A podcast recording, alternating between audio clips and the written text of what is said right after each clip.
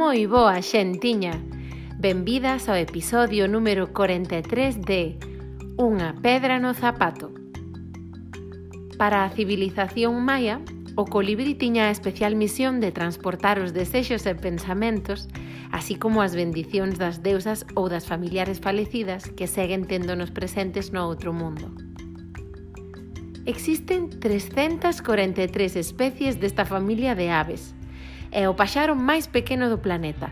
Dependendo da especie, pode pesar dende os 2,2 gramos até un máximo de 20 gramos. Bate as as debuxando círculos e bateas entre 50 e 80 veces por segundo.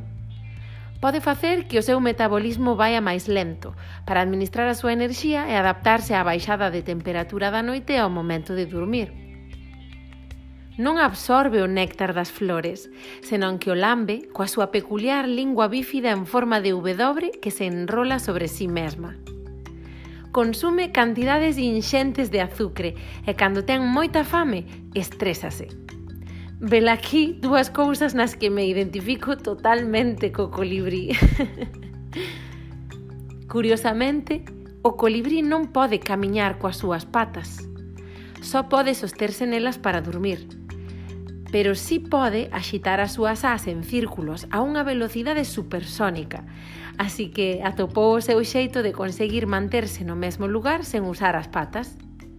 Ademais, resulta que é a única ave capaz de voar cara atrás e tamén de voar boca abaixo. Polo tanto, non poder camiñar non eclipsa as proezas que si é capaz de realizar este pequerrecho. Cando dicimos non son capaz de facer tal cousa.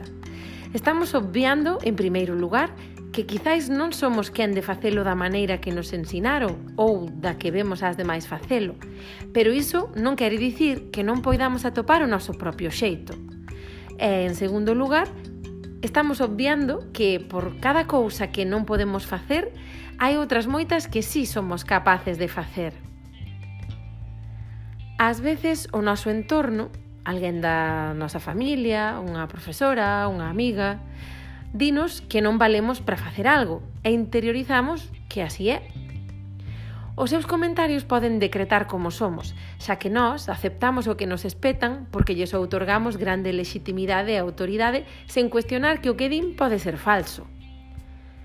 En vez de resignarnos a que non somos capaces de facer algo ou en vez de flaxelarnos por iso, podemos intentar aprender a facelo, anque claro, para dedicarlle tempo e recursos á aprendizaxe de algo, ten que ser unha actividade que nos apaixona, pois vai requirir dedicación e compromiso pola nosa parte. Quero aclarar que estou falando da execución, sen entrar no resultado obtido, porque ese é outro tema. Neste proceso de aprendizaxe e de práctica atoparemos o noso propio xeito de conseguilo, E se realmente non chegamos a poder facelo, tampouco é nada grave nin negativo non saber facer algo. Por suposto que o noso entorno tamén pode animarnos a seguir intentando e convencernos de que sí valemos para certa cousa. Cando eu tiña dous anos e catro meses, sufrín unha descarga eléctrica que me que obrigou a que tiveran que amputarme as falanxes de dous dedos da man dereita. Días despois da intervención cirúrxica, eu estaba debuxando e miña nai, segundo me contou ela, porque eu non me lembro, decatouse de que eu estaba usando a man esquerda, cousa que nunca antes tiña feito. Entón ela preguntoume por que debuxaba coa man esquerda. Eu contesteille que porque a man dereita xa non me ia valer para nada. Ese intre foi digno da aparición dun colibrí maia portador de vos desexos e beizóns. Porque miña mãe díxome que por suposto que a miña man dereita ia valer e que podía seguir usando para debuxar. Eu crin no que me dixo ela e atopei a miña propia maneira de agarrar os lápis de cores e seguir debuxando coa man dereita. Verdade que non imaginamos ao colibrí comparándose coa garza e lamentándose, Non podo camiñar coas miñas patas como a garza. Son un fracaso. Claro que non.